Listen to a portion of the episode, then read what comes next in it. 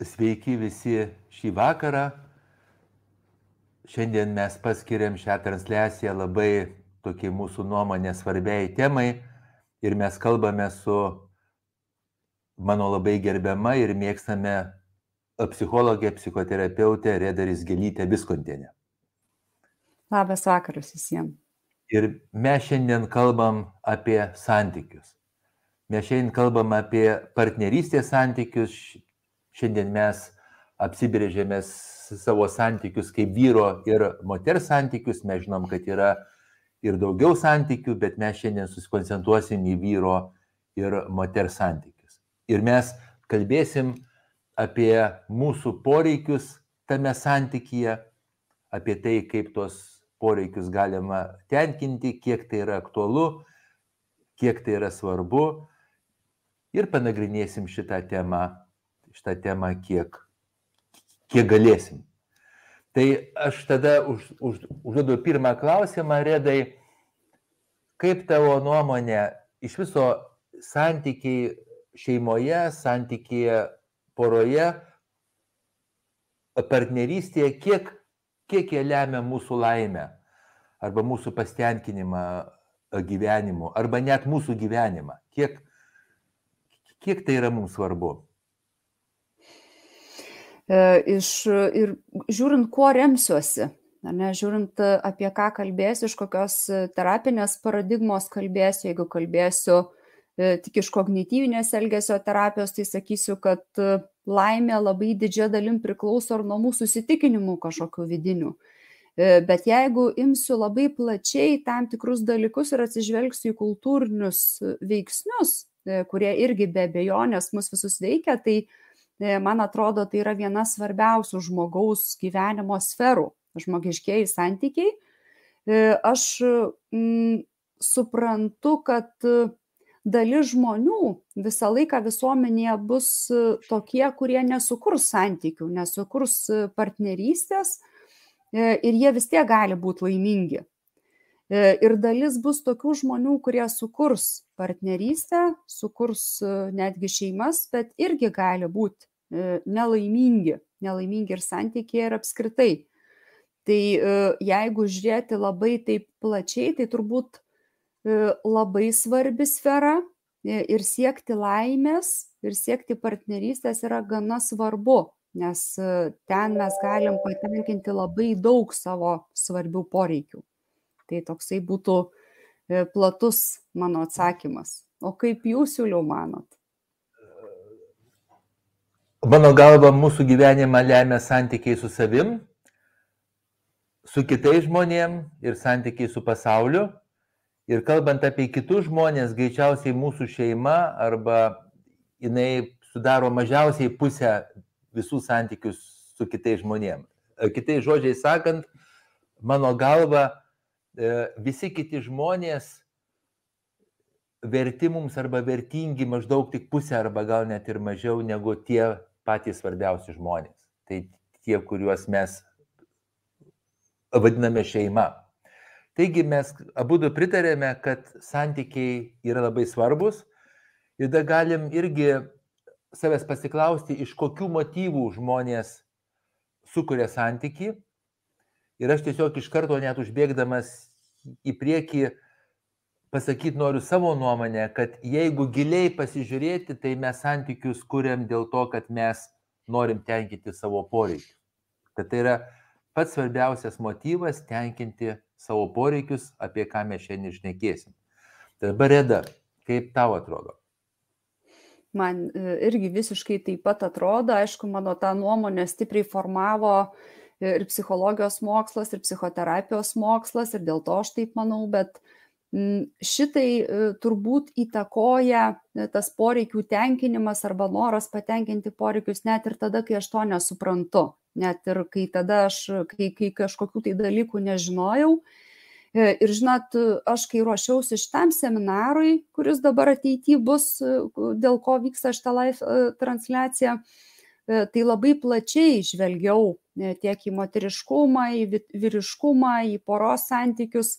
E, ir vienas iš tokių svarbių dalykų, kuriuos mes turėtumėm prisiminti, tai kad vystėsi šitas dalykas, kad buvo tokie laikai ir visai neseni, kai mūsų, nežinau, močiutės arba mamos, tėčiai ir seneliai sudarydavo santoką arba buvo partnerystė dėl to, kad taip tiesiog nu, buvo priimta ir jie tarsi negalėjo rinktis.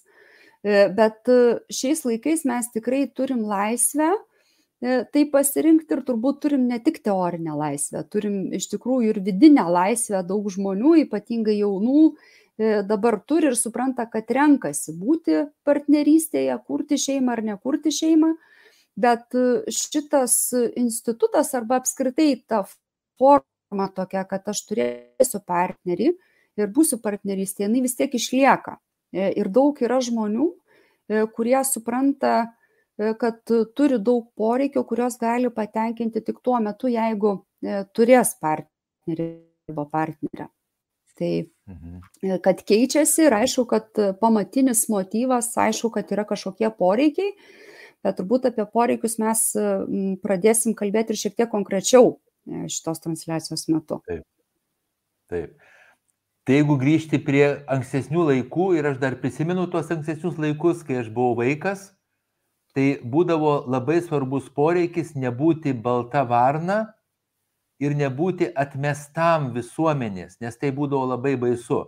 Nes jeigu tu nesukuri santykių ir nėra svarbu, ar tu esi moteris, ar tu esi vyras, jeigu tu nesukuri santokos, tu esi balta varna ir tu atmestas.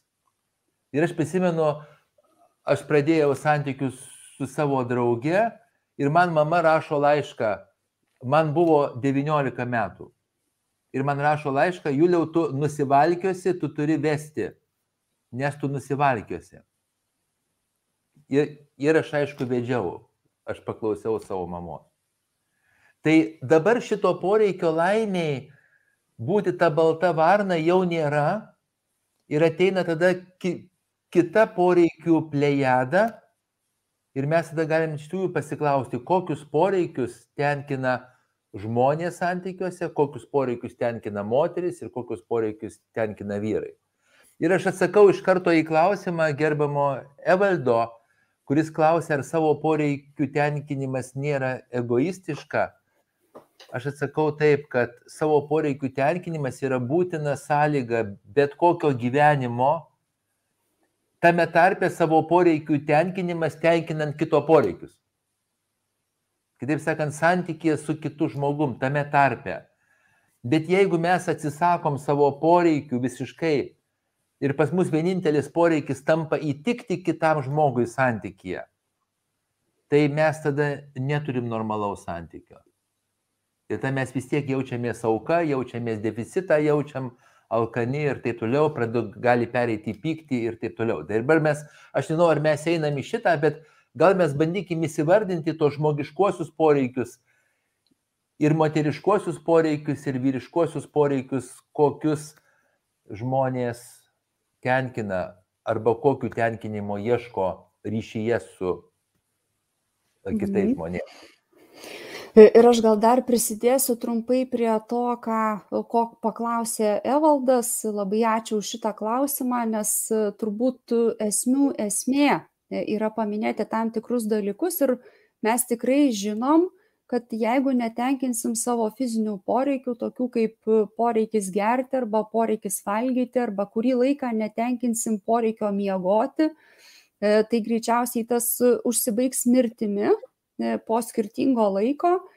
E, ir mes taip pat lygiai gimstam e, su savo emociniais poreikiais ir jeigu jų netenkinsim, mes nemirsim, ypatingai suaugusiam amžiai, bet mūsų emociniai sveikatai tas tikrai turės labai daug įtakos. Ir tikrai labai daug psichoterapinių mokyklų apie tai kalba, ir to neignoruoja. Nesu girdėjus, kad kas nors visiškai ignoruotų e, tokį dalyką kaip poreikius, nes e, poreikių egzistavimas e, yra iš esmės įrodytas moksliniais tyrimais. Ir daugiausia mokslinių tyrimų arba kaip ir pradžia, nuo ko viskas prasidėjo apie poreikius, tai turbūt buvo balbio prieraišumo tyrimai, kurisai pastebėjo, kad jeigu kūdikio neimsim ant rankų, jo nemyluosim, nesupuosim, netenkinsim jo emocinių poreikio, tik pavalgydinsim, apsaugosim nuo šalčio arba nuo karščio, tai tas, to kūdikio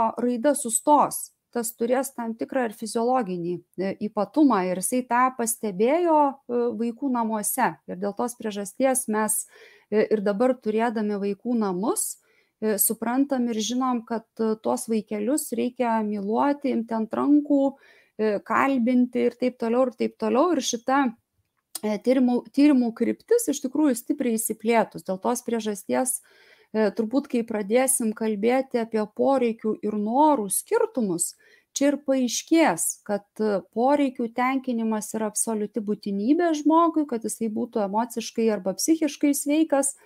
E, tuo tarpu norai yra tam tikri pasirinkimai, kur mes jau galim turėti didesnę laisvę ir ten jau galim į kažką atsižvelgti. Na ir žinoma, E, suaugęs žmogus, skirtingai nei kūdikis, savo daugelį poreikių gali atidėti ilgesniam laikui, nu, skirtingai negu kad, pavyzdžiui, nu, nežinau, e, negertumėm vandens, pavyzdžiui, negautumėm skyšių. Ne, tai labai greitai pajaustumėm, kad e, skyšių negavom, tuo tarpu jeigu nepatenkintumom kurį laiką ryšio poreikio, tai skirtingiems žmonėms tas pasijaustų po skirtingo laikotarpio yra platesnis rėmas, toksai kaip ir laisvės atidėti tuos poreikius. Ir dabar mhm. e, gal galima e, iš karto pereiti prie e, moteriškų, vyriškų poreikių, tam tikrą prasme labai slidi tema ir labai lengva nuvingiuoti, nuslysti į kažkokius tai stereotipinius pastebėjimus ir mąstymus ir paskui labai, kas yra labai svarbu ir kam bent jau aš kėliau savo reikalavimą ruoždamasi šitam seminarui, kuris artėja apie vyrų, moterų poreikius, kiek įmanoma mažiau paprastinti realybę ir kiek labiau atsižvelgti į dabartinį žmogų ir dabartinius mokslinius tyrimus. Nes yra tokių senų kažkokių tyrimų arba senų nuomonių, kurios Vilnyje visuomenėje ir mes suprantam vyrą arba moterį kaip e, tam tikrus du, du tik tai skirtingus e, žmonės. Yra vyras, yra moteris ir tarsi tokios dvi, dvi, dvi grupės, kai tuo tarpu moteris ir vyras yra tam tikras kontinumas. Nu, kitaip tariant, jiems yra būdingos tam tikros savybės, kur galim atrasti dvi skirtingas moteris ir e, panašų vyrą ir moterį. Ir kai kalbam apie poreikius moterų arba vyrų, į tą atsižvelgti irgi labai reikšminga ir svarbu. Tai dabar nežinau, ar man toliau tęsti, Juliau, ar dar čia kažką. Aš dar noriu iš viso apie poreikius truputį. Tai, tai va, aš poreikius skirstyčiau į, į, į bendra žmogiškus poreikius ir bendražmogiškus poreikius skirstyčiau aš į dvi grupės. Tai yra tuos poreikius, ką schemų terapija sako, kad atsineša vaikas į tuos vaikiškus poreikius ir jie labai labai svarbus ir jie labai dubliuoja su mūsų suaugusių poreikiais. Tai vaikas atsineša saugumo poreikį ir galim savęs pasiklausti, tie, kurie mūsų klauso, kiek mes savo poroje arba santokoje arba ryšyje norim saugumo. Antras poreikis - prisirišimo, jau tu šnekėjai, yra daugybė baisių eksperimentų daryta su prisirišimu. Čia mm. mes neįsim, bet, bet vienus vaikus ėmė ant rankų, kitus vaikus neėmė ant rankų ir tada žiūrėjo, kaip tie vaikai vystė. Dabar šiuo metu būtų neįmanoma dėl etikos. Mhm. Taip, bet tuo metu darė iš tos eksperimentus. Ir kitas poreikis yra savivertės. Tai yra tas, kad tave prieima, pripažįsta besąlygiškai visiškai tai yra pripažinimo besąlygiško. Yra identiteto poreikis, kad tu save suvoki kaip individą, kaip svarbu kažkokį tai, kaip kažką tai, kaip šeimos narį, kaip berniuką, kaip mergaitę. Tas irgi labai svarbu. Yra sveikų ribų poreikis. Aš tiesiog klausau, e, ką pats pasakoju ir tiesiog noriu pasirašyti po kiekvienu žodžiu šeimose. Tai ir, vyr, ir nėra svarbu, ar mes busim vyrai ir moteris, tai yra mums sveikos ribos yra labai teisingas mūsų poreikis. Tinkam? Autonomijos poreikis. Vėlgi, jisai, jisai labai siejasi su tais, su, su sveigų ribų poreikiu. Malonumų ir žaidimo poreikis. Irgi labai. Tai jeigu mes kalbam apie paskui daugiau suaugusi žmogų, tai mes kalbam apie dar tokius poreikius, kurie galbūt būdinga daugiau saugusiems žmonėms, kaip kad, pavyzdžiui, socialiniai, bendravimo poreikiai, saviraiškos poreikiai. Ir savęs aktualizavimo poreikiai. Bet jeigu pažiūrėtum ir pas vaiką, jie jau nuo kažkurio tai amžiaus, ir vaikas nori, kad jį matytų, kad jį žiūrėtų, kad jisai galėtų save kažkaip tai išreikšti ir taip toliau. Tai tie bendražmogiški poreikiai dominuojantis yra ir šeimose. Ir aš labai labai, atreda, ką tu sakai, labai svarbu. Jeigu mes netenkinam šitų poreikių, mes negalim sukurti stabilų santyki ir negalim gauti džiaugsmo iš to santykio. Jeigu narcistinės asmenybės, narcizai jie nemyli kito žmogaus, jie myli save kitame žmoguje. Tai, tai iš tos asmenybės, jos jeigu sukuria santyki, kad kitas žmogus turi tenkinti mano poreikius, jisai jeigu pažeis to žmogaus poreikius ir tie poreikiai nebus patenkinami, jisai vis tiek negaus to džiaugsmo ir pasitenkinimo ir laimės tikrosios tos, iš to santykio. Jisai bus apsimest, nu, toksai, tas santykis bus toks dirbtinis, dirbtinis, plasmasinis. Tai dabar, Eda, tau duodu apie moteriškus poreikius ir apie... Ir, ir iš tikrųjų labai labai moteris ir vyrai, aš to pažįstu labai vadinamųjų stereotipiškai moteriškų vyrų ir aš toks truputį esu. Aš visos su vyrais pradėjau bendrauti, aš daug daugiau mano draugės moteris negu kad vyrai. Taip. Aš jau beveik kaip toks truputį, truputį homoseksualus vyras, kurio, kurio visos draugės yra, yra, yra moteris. Tai mano irgi daug. Ir yra yra labai vyriškos stereotipiškai kabutėse moteris. Taip. Ir tas, ir tas yra. Taip yra. Tai eikim prie tų moteriškų ir vyriškų poreikių. Mhm.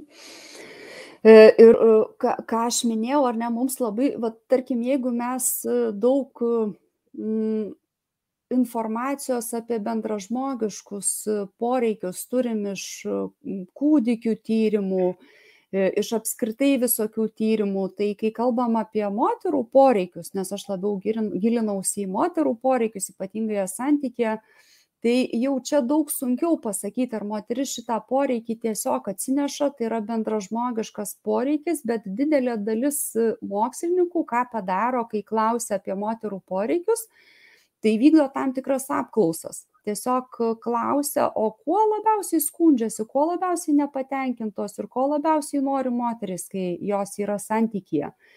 E, ir čia vėlgi, tarkim, e, gal po dešimtmečio mes turėsim kitokią informaciją ir mes galėsim sakyti, kad, žinai, moterų poreikiai čia pasikeitė ir jau kažkokių tai kitokių dalykų norim. E, bet e, esmė yra e, dar vieną tokį dalyką pasakyti, kad nepaisant to, kad mes žinosim apie bendruosius moterų poreikius, ko dažniausiai moterys pageidauja arba didžioji dalis iš apklaustų moterų nori, mes vis tiek neišvengsim to dalyko, kad turėsim prieš save matydami konkrečią moterį dar jos pasiklaust, ko jinai nori nes gali būti, kad e, tiesiog kažkokie tai dalykai jai bus nebūdingi. E, ir tai, kas yra e, išskiriama, apie ką kalba mokslininkai, aš truputėlį čia šį bei tą pasižymėjau, kad dideliai daliai moterų santykėje, partnerystėje yra labai svarbus patikimumas, kad tas žmogus, su kuriuo aš esu, būtų labai patikimas E, ir e, kadangi e, šitie mokslininkai ir šitos apklausos neklauso, tai kaip ten vyram, ar čia yra skirtumas, jie tiesiog klausia moterų, tai man būtų įdomi ir ta kita pusė, o kaip įdomu vyrams, ar jiems patikimumas nėra toks svarbus. Bet jeigu gilinsimės labiau ir dar klausimo, kaip tu supranti tą patikimumą ir kažkokius kitus dalykus, kaip tu supranti, kad partneris patikimas, iš kokių požymių, Tai čia ganėtinai įdomus toks atsakymas yra, kad moteris dažnai vertins partnerį kaip patikimą, tą, kuris bus su ją emociškai susijęs. Ir yra toksai anglų kalboje žodis, kuris yra atjun, susigroja, susiderinęs. Ir vienas iš tokių svarbių dalykų, kad galima žingsnis po žingsnio išmokti, patenkinti iš tą moterų poreikį, kurį mes vadinam tokiu bendru žodžiu atjun arba susigrojimu. Ir gali būti, kad mes kažkada praeitie tikėjom, turiu minti mokslininkus, psichologus, mokslinius tyrimus vyraujančius, kad vaikas gali mokytis, jeigu jį mokai. Jeigu jį statiškai mokai, ten kaip nors akademiškai, tai jis išmoksta. Antras būdas išmokti yra, yra per modeliavimą, kai matau, kad kiti žmonės kažkaip elgesi, tai aš tada užfiksuoju tam tikrą schemą ir žinau, kaip elgtis. Ir trečias būdas atėjęs į mokslą yra visai nesenai, kad ne tik šitie du būdai yra svarbus, kaip vaikas kažko išmoksta, bet dar vaikas išmoksta kažko, kaip su juo yra elgiamasi. Ir tai jau truputį kita spalva modeliavimo yra, nes tiesiog tai čia šitoj vietoj gilinantis į tam tikrus pavojus, kaip, auginti, kaip neauginti vaikų pagal kažkokius stereotipus, kad tu mergaitė arba berniukas, gali būti, kad tai, kad moteris turi šitą poreikį, kad vyrai susiderintų su jomis, kyla iš to, kad didelė dalis vyrų išmoksta būti atsitraukusiais nes tikrai labai daug vaikų arba psichoterapijoje klientų labai daug skundžiasi apie tai, kad augo su tėčiu, kuris buvo labai atsitraukęs ir tai yra nu, didesnis procentas skundų negu kad atsitraukus mama, nors jų aišku irgi pasitaiko. Tai vienas iš tokių moterų svarbių poreikių tai yra tas patikimumas, o tas patikimumas yra suprantamas per tą susiderinimą emocinį, besąlygišką dėmesį ir neatsitraukimą. Dar vienas svarbus dalykas, kur irgi galima labai lengvai pradėti spekuliuoti tuo, bet moters gyvenimas, jos emocijos kažkuria dalim, ne didžiaja tikrai, bet kažkuria dalim gali būti susijusi su hormoniniu ciklu. Ypatingai jeigu jinai nesirenka hormoninės kontracepcijos kaip vieno iš tokio būdo saugotis ir turi natūralų ciklą, tai labai gali būti, kad atsiranda ir tam tikri su to susiję poreikiai. Pavyzdžiui, prieš menstruacinio sindromo metu turėti daugiau ramybės, daugiau švelnumo, mažiau seksualumo, kai tuo tarpu ovulacijos fazėje moteris gali turėti didesnį susijaudinimą, didesnį seksualinį apetitą, geismą. Vėlgi, tai nėra desningumas, bet jeigu klaustumėm apie vyrus ir moteris, tai nu, vyrams tokie sviravimai tikrai visiškai nebūdingi. Yra moterų, kuriems, kurioms šitie sviravimai yra labai dideli ir ženklus. Ir yra moterų, kurios vos jaučia šitą sviravimą. Tai yra vėlgi įvairovė, bet į tą ritmą, kažkokį hormoninį ciklą tikrai galima kartais atsižvelgti, kai aš gyvenu su žmogum. Lygiai taip pat, jeigu partnerė laukėsi, tai vienos besilaukdamos moterys turi tuos labai aiškius vyravimus, į ką būtų svarbu atsižvelgti, nes iš to išeina ir tam tikri jautrumai. Kitos moteris šitus vyravimus patiria labai labai neryškiai, bet tai gali būti kažkokia poreikių grupė, kuri gali būti svarbi. Dar vienas toks įdomus dalykas buvo, kur tikrai turbūt vertas diskusijos netgi, kad tam tikri tyrimai rodo, tik tai nerodo, aišku, priežastinio kažkokio ryšio, bet tam tikri tyrimai rodo, kad moteris per gyvenimą dažniau patiria baimės ir nerimo jausmą, grėsmę dėl savo sveikatos ir dėl savo gyvybės ir net nežinau, kaip čia suformuluoti, bet tam tikrą grėsmę būti užpultoms ir patirti seksualinę prievartą. Toks platus apibrėžimas galėtų būti. Sunku pasakyti, kas tą formuoja, nes mes iš klinikinės psichologijos taip pat žinom, kad nerimas ir depresija kaip sutrikimai moterų tarp yra dažnesni. Ar tai yra susijęs su biologiniais ypatumais, kur ten gali būti vienas iš jų ir ciklas? Ar tai yra susijęs su, pavyzdžiui, kažkokiais istoriniais išgyvenimais, kurie irgi kažkokiu būdu yra perduodami? Tai mes tikrai negalim sakyti, dar šiandien neužtenka tokių duomenų, bet didelė dalis moterų bijo daug dažniau ir vienas svarbus poreikis, kuris iš to iškyla, didesnis saugumo poreikis. Aš tada noriu daugiau saugumo.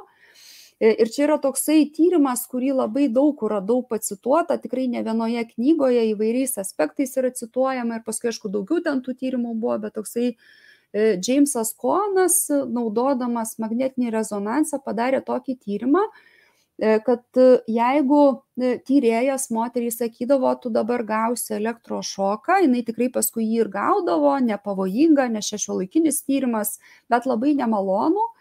Ir ją partneris laikydavo už rankos ir jų tarpusavio santykiai pagal jų nurodymą buvo geri, šitos moteros, moters migdolinis kūnas reaguodavo ramiau. Kitaip tariant, sumažėdavo laukimo nerimas ir net pats patiriamas skausmas. Vadinasi, jeigu santykyje yra žmogus, kuris turi tą padidintą saugumo poreikį, aš kaip partneris labai daug įtakos galiu daryti. Ir tą galiu daryti per tokius paprastus žmogiškus poreikius, kur manau, kad visi turi, bet šitoj vietoj labiau gali būti išreikštas noras būti apkabintam, tiesiog nieko nesakant kas gali atnešti daugiau saugumo ir ramybės, nes mes žinom, kad ir tam tikras, nežinau, biocheminis pagrindas tam yra, jeigu skiriasi oksitocinas, mes ramesni jaučiamės. Kūdikį lengviau nuraminti jį paėmus ant rankų ir priglaudus prie odos, negu kad atliekant daugybę kitokių veiksmų. Tai lygiai taip pat ir su moterim. Ir dabar, kai kalbu apie tai, kad mes nežinom, kodėl taip yra, kodėl moteris baimingesnės ir čia neapklausų yra rezultatai, bet tokių yra apskritai reakcijų tyrinėjimo, kad vis dėlto yra kažkokios baimingesnės smegenys. Tai reiktų vėlgi istoriškai prisiminti, kad moteris ypatingai mūsų kraštuose, rytų Europoje, tikrai karta iš kartos galėjo turėti galėjo turėti prisiminimuose kažkokių tai istorijų, kur nutiko kažkokia grėsminga istorija ne man, bet, pažiūrėjau, mano močiutiai.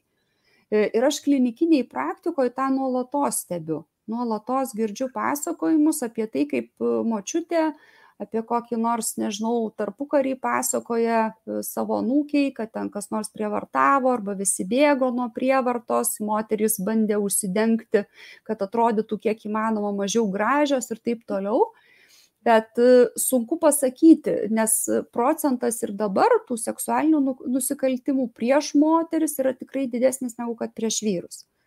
Bet aišku, negalima suredukuoti ir sakyti, kad čia irgi vienintelė priežastis, nes vėlgi, nu, mes nežinom, tiesiog turim tokį rezultatą.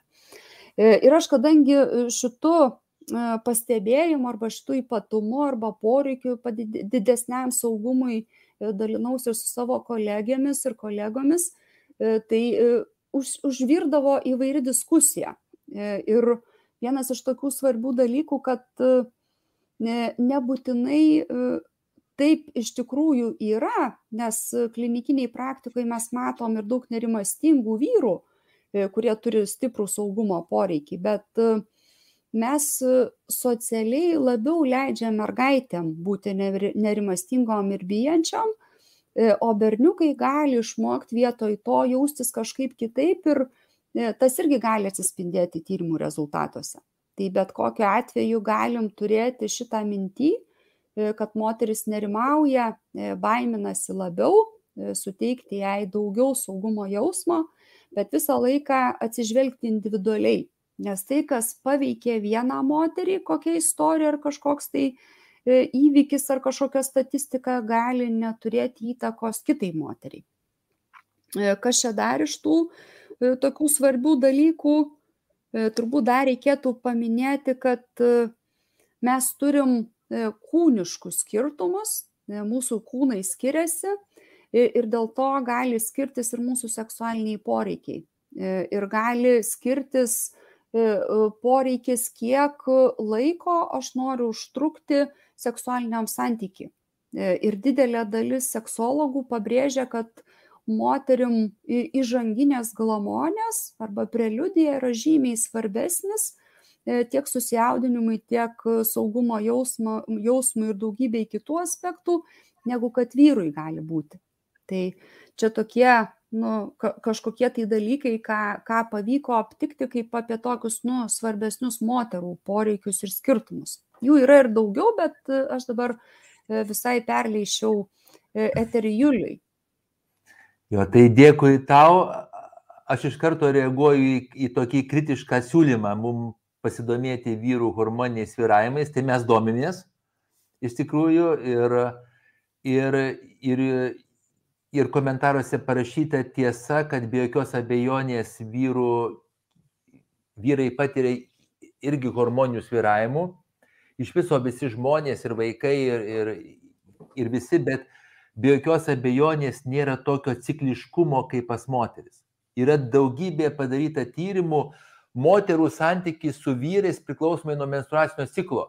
Nenoriu čia labai jūs, bet yra rodytos, pažiūrėjau, nuotraukos vyrų skirtingų yra skirtingose ciklo fazėse. Vyrų pažastys uostė, galite pažiūrėti YouTube ir moteris uosto priklausomai nuo savo menstruacinio ciklo, daugybės vyrų pažastis, prakaitos kvapas ir taip toliau, ir kokį kvapą e, ten jos priima kaip tokį numalonesnį ir kokį kaip mažiau malonų. Tai pas moteris be jokios abejonės įrodyta absoliučiai, absoliučiai jokių prieštarimų nėra, kad hormoniniai ciklai įtakoja santyki su vyru. Įtakoja. Ir ypatingai ovulacinė, ovulacinė fazė, jinai kai, kai kuriuo moterim atidaro iš viso, iš viso vartus santykiai su vyru. Esu matęs labai, e, labai, sakykime, tokių komplikuotų atvejų, kur labai emocionalios moteris, jos tiesiog ovulacijos fazėje jos jaučia tiek stiprų geismą, kad jos įeina kartais į paskui santyki, kurio gailisi. Ir daugybę kartų teko su klientėm dirbti šitoje vietoje.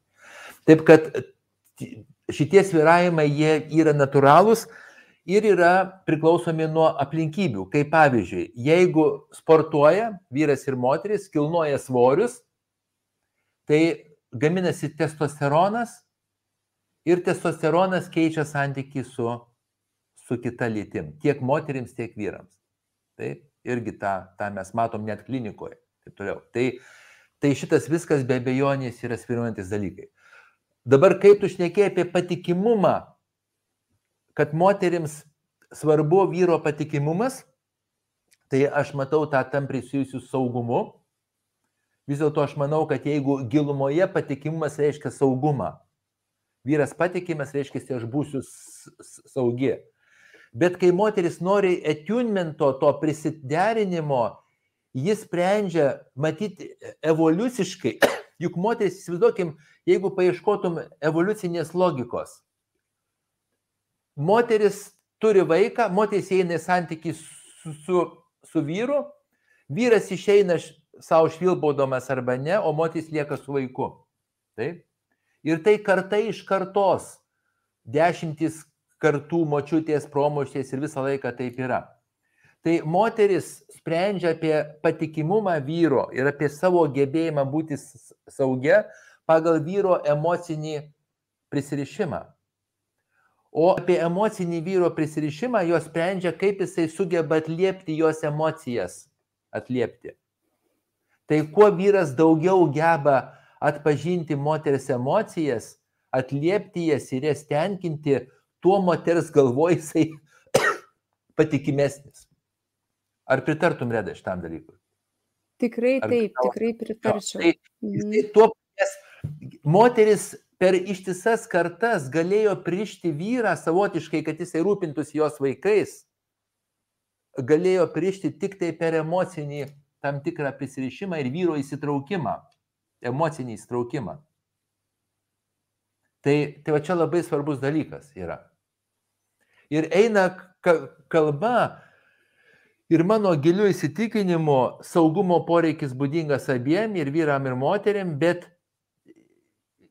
evoliuciškai moteris baziškai vis tiek jaučiasi mažiau saugi, nes tai bu, mažiau saugi negu vyras santykėje.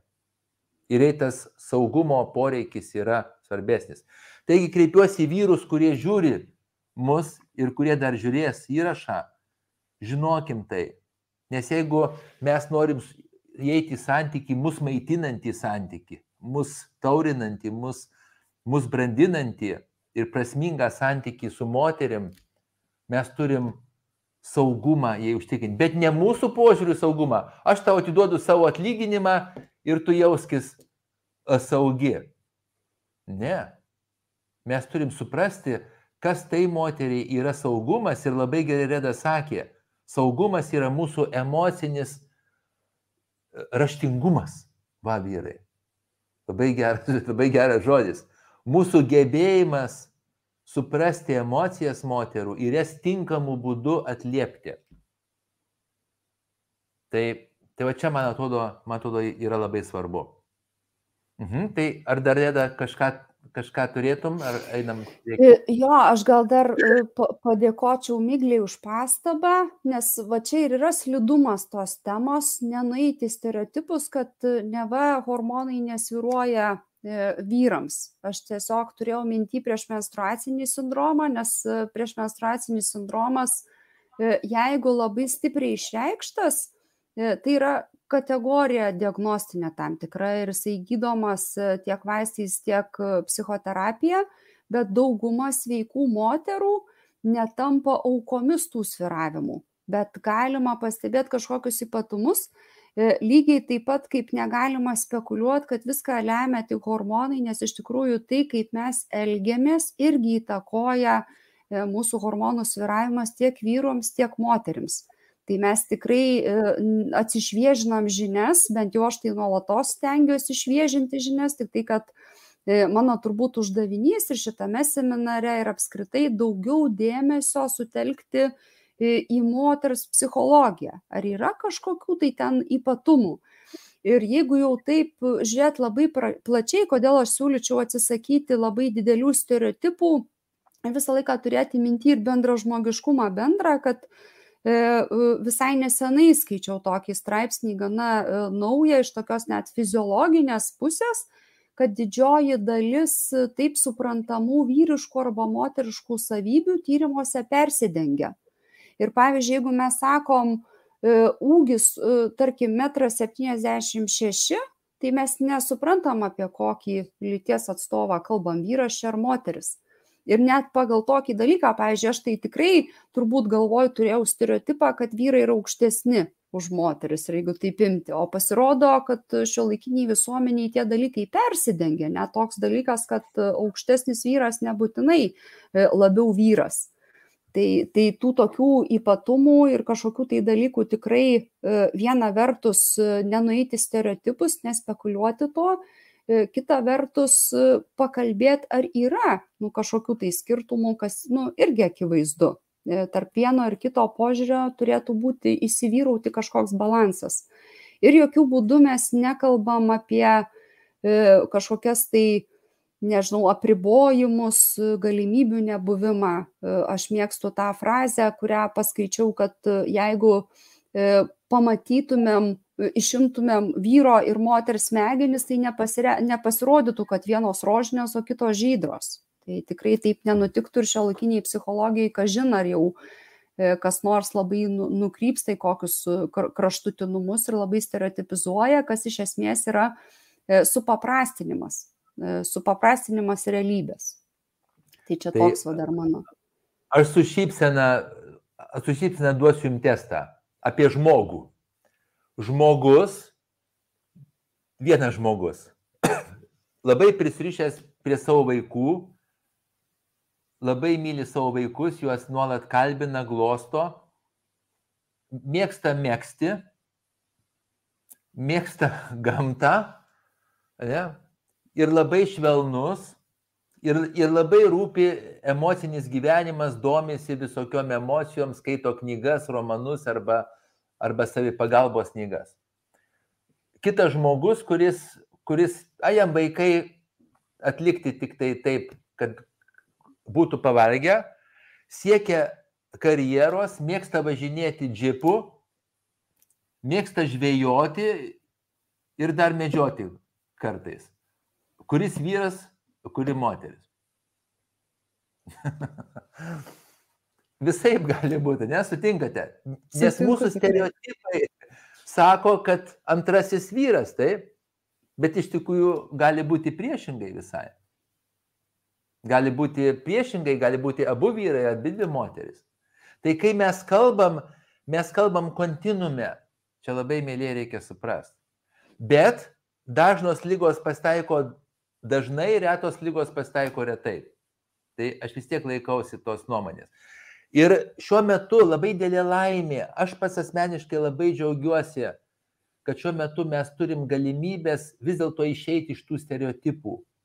Ir tikrai gali moteris rengtis kaip nori, nereikia sijonais, gali jos norėti santokos, gali nenorėti santokos, gali norėti pavardę keistis, gali nenorėti, gali norėti dvi pavardės, gali džipų važinėti, gali, bet, bet ką mes dabar, ir, ir vyrai gali mėgsti arba nerti.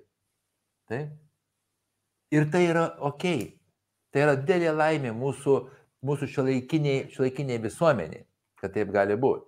Bet poreikius, jeigu grįžtumėm, aš vis dėlto noriu dar akcentuoti, e, mes prieš vasario 17, mes vasario 17 darom seminarą. Aš kreipsiuosi į mūsų bendruomenę, keli šimtus mūsų mokinių, tavo ir mano, gydytojų ir psichologų, mes padarysim apklausą apie poreikius vyrų ir moterų.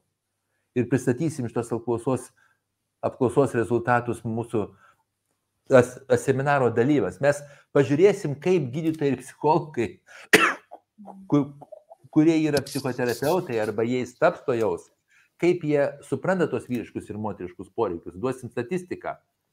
Bet mes turim šiandien tikrai aiškiai pasakyti, kad aš bent noriu pagrindinė žinutė šiandien yra, mes turim žinoti savo poreikius, mes turim žinoti partnerių poreikius, mes turim žinoti būdus, kaip tos poreikius tenkinti savo ir partnerių ir kaip tos poreikius derinti, kaip atrasti tą bendrą vardiklį ir kartais truputį pasistengti dėl kito poreikio specialiai, kad aš patenkinsiu kito savo partnerio poreikį ir gausiu grįžtamą ryšį pasitenkinimą vien tik dėl to. Kaip tau reda atrodo? Atrodo geros abi mintys ir e, dėl to, kad e, galbūt galima pasižiūrėti, o kaip mūsų artimiausioje aplinkoje, nes e, mes tikrai turim didelį būrį žmonių, su, kuriuo, su kuriais turim kontaktą, kaip jie galvoja, kokia ten gali būti statistika. E, Ir antr, antras tas dalykas, kad e, visai vienas tokių svarbiausių dalykų turbūt atpažinti poreikius partnerio ir mokytis tą padaryti. Ir ir mes, aišku, dalį seminaro laiko skirsim tiem vadinamiesiems e, moterų arba vyrų poreikiams, e, nes e, tą galbūt įdomu žinoti ir e, svarbu žinoti. E, Bet e, vienas iš svarbių dalykų, kaip man atrodo, e, išmokyti porą, išmokyti žmonės, e, susižinoti apie kito žmogaus poreikius. Ir yra tam tikrų būdų, e, kaip galima tą padaryti. E, Ir mano toks e, dar e, turbūt noras e, dalyvaujant šiandieną e, šitame prisijungime e, pasakyti tokį, kad e, norai ir poreikiai e, tikrai yra skirtingas dalykas.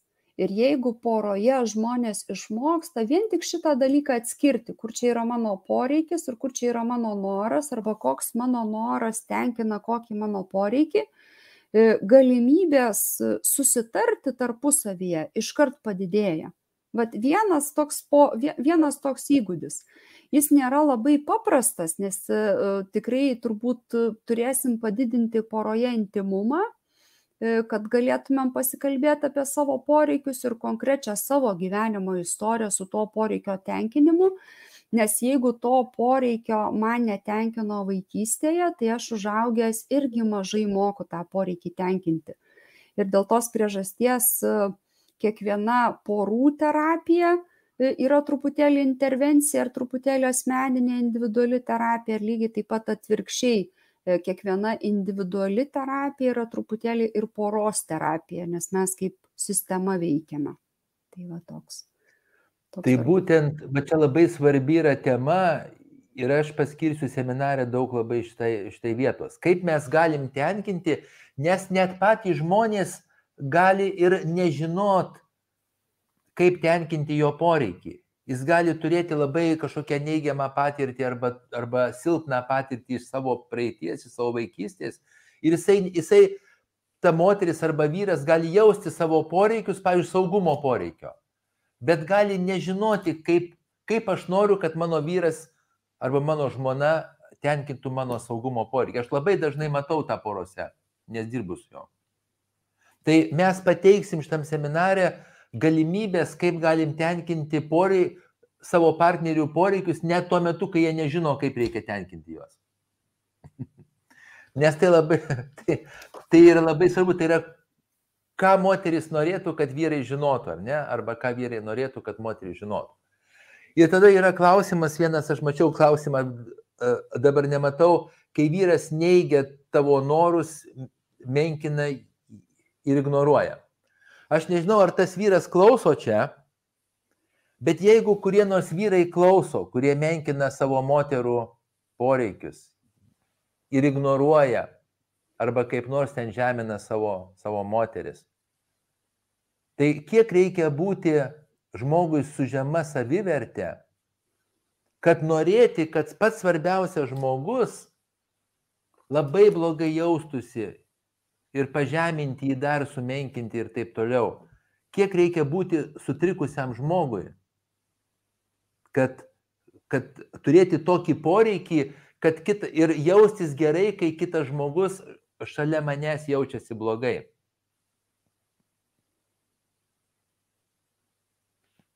Ir galim pasiklausti, ar aš noriu turėti, nežinau, kažkokį gražų objektą, aš jeigu paprastą, jeigu apie žmogų nesupranta kartai žmonės. Tai nežinau, ar automobilį noriu turėti naują, gražų, puoselėjimą, mylimą, ten e, plaunamą, ar noriu belė kokį tenais apdaužytą, purviną, sumenkintą ir taip toliau. Tai taip pat ir apie žmogų. Kokį žmogų noriu turėti šalia savęs, kuriuo didžiuojosi, kurį myliu, kuriuo galiu pasigrožėti, ar aš noriu o, turėti kažkokį sumenkintą žmogų. Nežinau, aš čia gal taip stipriai, bet aš, bet aš tvirtai šituo tikiu. Aš sakau labai nuoširdžiai tai. Mhm. Ir vėlgi e, mes iš to klausimo... Vyrų, dar atsiprašau, mhm. Vareda, taip pat yra ir priešingai. Taip, taip, ir aš matau taip, aš daug labai moterų, kurios dominuojančios yra, užspaudžia vyrą, kaip sako, jisai jisai labai didelis vyras, bet puikiai telpa po savo mažo žmonos padu. Mažo. tai irgi, jeigu nori, jeigu jaučiasi saugi ta moteris, tik tai, tik tai dominuojanti ir sumenkinanti ir sumažinanti savo vyrą, kuris tik tai klauso, ką jinai, ką jinai sako, tai mes atimam iš vyro galės, mes atimam iš vyro tą, tą galim sakyti, stereotipinį vyriškumą, Tai ir tada skundžiamės, kad mano vyras nieko negali. Ne? Ir dar žinot, čia irgi toksai turbūt svarbus dalykas apskritai, kad e, nežinau kiek metų žmogui, kuris klausia, bet jeigu jums yra daugiau metų, e, tai mes augom visuomeniai, kur buvom labai nužmoginti ir pavyzdžiui, E, vaikai toje visuomenėje e, sovietiniai apskritai toks buvo, nu, kad gerbti vaiką nebuvo suprantamas dalykas, o man atrodo, kad šio laikiniai visuomeniai kiek įmanoma labiau e, reikėtų gražinti pagarbą visiems, absoliučiai kiekvienam žmogui, o pagarba tai yra ir mandagumas pagal apibrėžimą, ir tam tikras pozityvus požiūris į tą žmogų, kurį mes, kaip čia, transliuojam. E, ir e, gali būt, kad gal irgi galim net į tuos žmogiškosius universalius kažkokius poreikius įtraukti ir pagarbą kaip tokį dalyką, nes e, man sunku būtų įsivaizduoti, kaip galima kurti ryšį, tenkinti ryšio poreikius ir neturėti pagarbos. Tai vienas dalykas ir antras dalykas, kai taip žmogus elgesi, tai turbūt su juo taip kažkas elgesi. Arba dar yra kažkokia tai priežastis ir bet kokiu atveju labai svarbu, jeigu jūs esat moteris, apie tai nenutylėti. Gražinti ir atkreipti dėmesį, kas čia vyksta ir kas čia nutiko, nes kartais būna taip, bent jau aš savo klinikiniai praktikoje tai pastebiu, kad e, kai moteris apie tai pasikalba su vyru arba kai vyras apie tai pasikalba su moterimi, tai atsiranda ir susikalbėjimas. Tik tai kalbėtis reikia, kai e, dar e, yra tos tokios nekarštos emocijos. E, diskusija geriausiai vyksta tada, kai mes esam ramybėje, vyksta intimi kažkokia akimirka ir aš tada galiu kitam žmogui pasakyti, žinai, vad, kai tu tą ir tą pasakėjai, tai aš va taip ir taip jaučiausi. Ar tu tikrai taip norėjai, kad aš taip pat pasijaučiau? Ir gali būti, kad tas žmogus išgirsta, bent jau nu, daugumo atveju. E, ir jeigu visai negirdi, E, tai nu, situacija žymiai tada prastesnė ir va tai, ką Julius sako, jau tikrai turės prasme ir vietą, ar čia jau apie e, to žmogaus kažkokius ypatumus, bet jokių būdų ne apie to, kurio norus menkina. Tai visų pirma, atkreipti dėmesį ir pasakyti, kad kai tu taip darai, aš jaučiuosi taip ir labai neslėpti, nes mes kartais patys e, išsikasam santykėje duobę, sakydami, nu, bet aš nekreipiu dėmesio, čia man bet ką sako. Ir tai yra bet kokia atveju gynybinė reakcija. Tai labai reikia pasakyti artimam žmogui, tu taip nedaryk, čia yra mano riba. Ir mes galime mokytis poreikių kalbos, ką moksliškai kai mes vadinam nesmurtinė kalba. Ir šiuo metu yra išleista knyga išversta į lietuvių kalbą, tai ji yra būtent apie mūsų poreikius. Bet labai svarbu, jeigu mes turim santykių su kitu žmogum ir mes jaučiamės, kad mes tam santykyje esam apleisti, kai vaikas apleistas, kurio mama ir tėtis nesirūpina juo. Jeigu mes jaučiamės taip savo santykyje, mes nuolat savo galim priminti tą galimybę, kiek aš bijau prasti tą santyki. Taip, aš turiu galimybę siekti, kad tam santyki tenkinti e, savo poreikius ir prašyti pas kitą žmogų, kad jisai padėtų man tenkinti savo poreikius. Ir dalyvautų tame. Bet jeigu kitas žmogus visiškai netenkina absoliučiai, ir aš nematau progreso ir aš neturiu vilties, tai tada gal iš tikrųjų galvoti, o kam man tas santykis reikalingas? Labai, labai nu, toks geras klausimas. Ar man reikalinga savivertėjai, kad aš jeigu nebūsiu santykiai, tai būsiu visiškai menkavertė arba menkavertis? Tai tada irgi, ar tikrai taip? Bet kai mes kalbame apie pagarbą, labai dažnai ir tas žodis tapęs banalus, tas žodis aš noriu pagarbos. Iš tikrųjų, tai aš noriu savivertės. Iš tikrųjų, aš noriu, kad tu pripažintum mano savivertę. Jeigu iš tikrųjų. Ką reiškia, ką reiškia pagarba santykiai, aš noriu, kad tu pripažintum, kad aš esu toks pat vertingas žmogus kaip ir tu. Tai labai svarbu žinoti. O jeigu vyras nemėgsta, kad, kad žmona kažkuom geresnė, kad kas ją girtų. Iš viso aš kvestionuoju žodį geresnė, nes įdomu, nu, čia toksai dalykas, kuo pavyzdžiui geresnė, bet jeigu daugiau uždirba, tai ar, ar, ar čia geresnė? Jeigu ją žmonės vertina kaip, nežinau, gražesnė, negu, nes vyras visas plikas ir dar, ir, ir, ir dar su ansvoriu, tai ar, ar irgi jinai geresnė? Aš labai, aš labai dėčiau klaustuką ties palyginimais, kas yra geresnis, kas yra blogesnis. Bet jeigu kiti pastebi mano žmonos privalumus arba mano vyro privalumus, tai jeigu mes esam geram santyki, mėlyjei, tai čia yra taip pat kaip apie mane beveik šneka. Ar sakyti, jūs turit gerą skonį, Dabar galite, jūs patvirtinot mano gerą skonį. Kai jūs giriat mano žmoną, jūs patvirtinat mano gerą skonį. Arba tik tai gerai geruose santykiuose esančios žmonos taip atrodo gražiai ir taip žydi savo, savo visuose projektuose. Tai, tai yra apie mane truputį. Aš čia sakau jums su šypsena. Bet taip, bet taip yra. Aha, Reda, mūsų laikas jau labai eina, tai pasakyk kažkokį tai paskutinį paskatinimą, paskutinį kažkokį. Mhm. E, sunku suformuoluoti, nes aš dabar ką tik dar galvojau apie tokį klausimą, kurį mes gavom prieš laidą. E, ką daryti, jeigu nesutampa vertybės santykėje. E, ir kadangi nebuvo daugiau paaiškinimo, tai man tikrai kilo daugiau klausimų negu kad galimų atsakymų. Ir kartais mes taip sakom, vartojam tokį terminą ir sakom, mūsų vertybės labai nesutampa, bet dažnu atveju būna taip, kad mes nesuprantam, kokie poreikiai yra svarbus. Ir aš e, asmeniškai statyčiau daugiau e, visokių e, analizių, o kokie ten poreikiai slepiasi po tais skirtingais dalykais, ką mes vadinam vertybėm. Nes man atrodo, kad poreikiai santykyje yra kaip koks namo pamatas jeigu aš e, žinau apie partnerio poreikius, jisai žino apie mano poreikius ir mes daugiau mažiau galim apie tai susiderinti.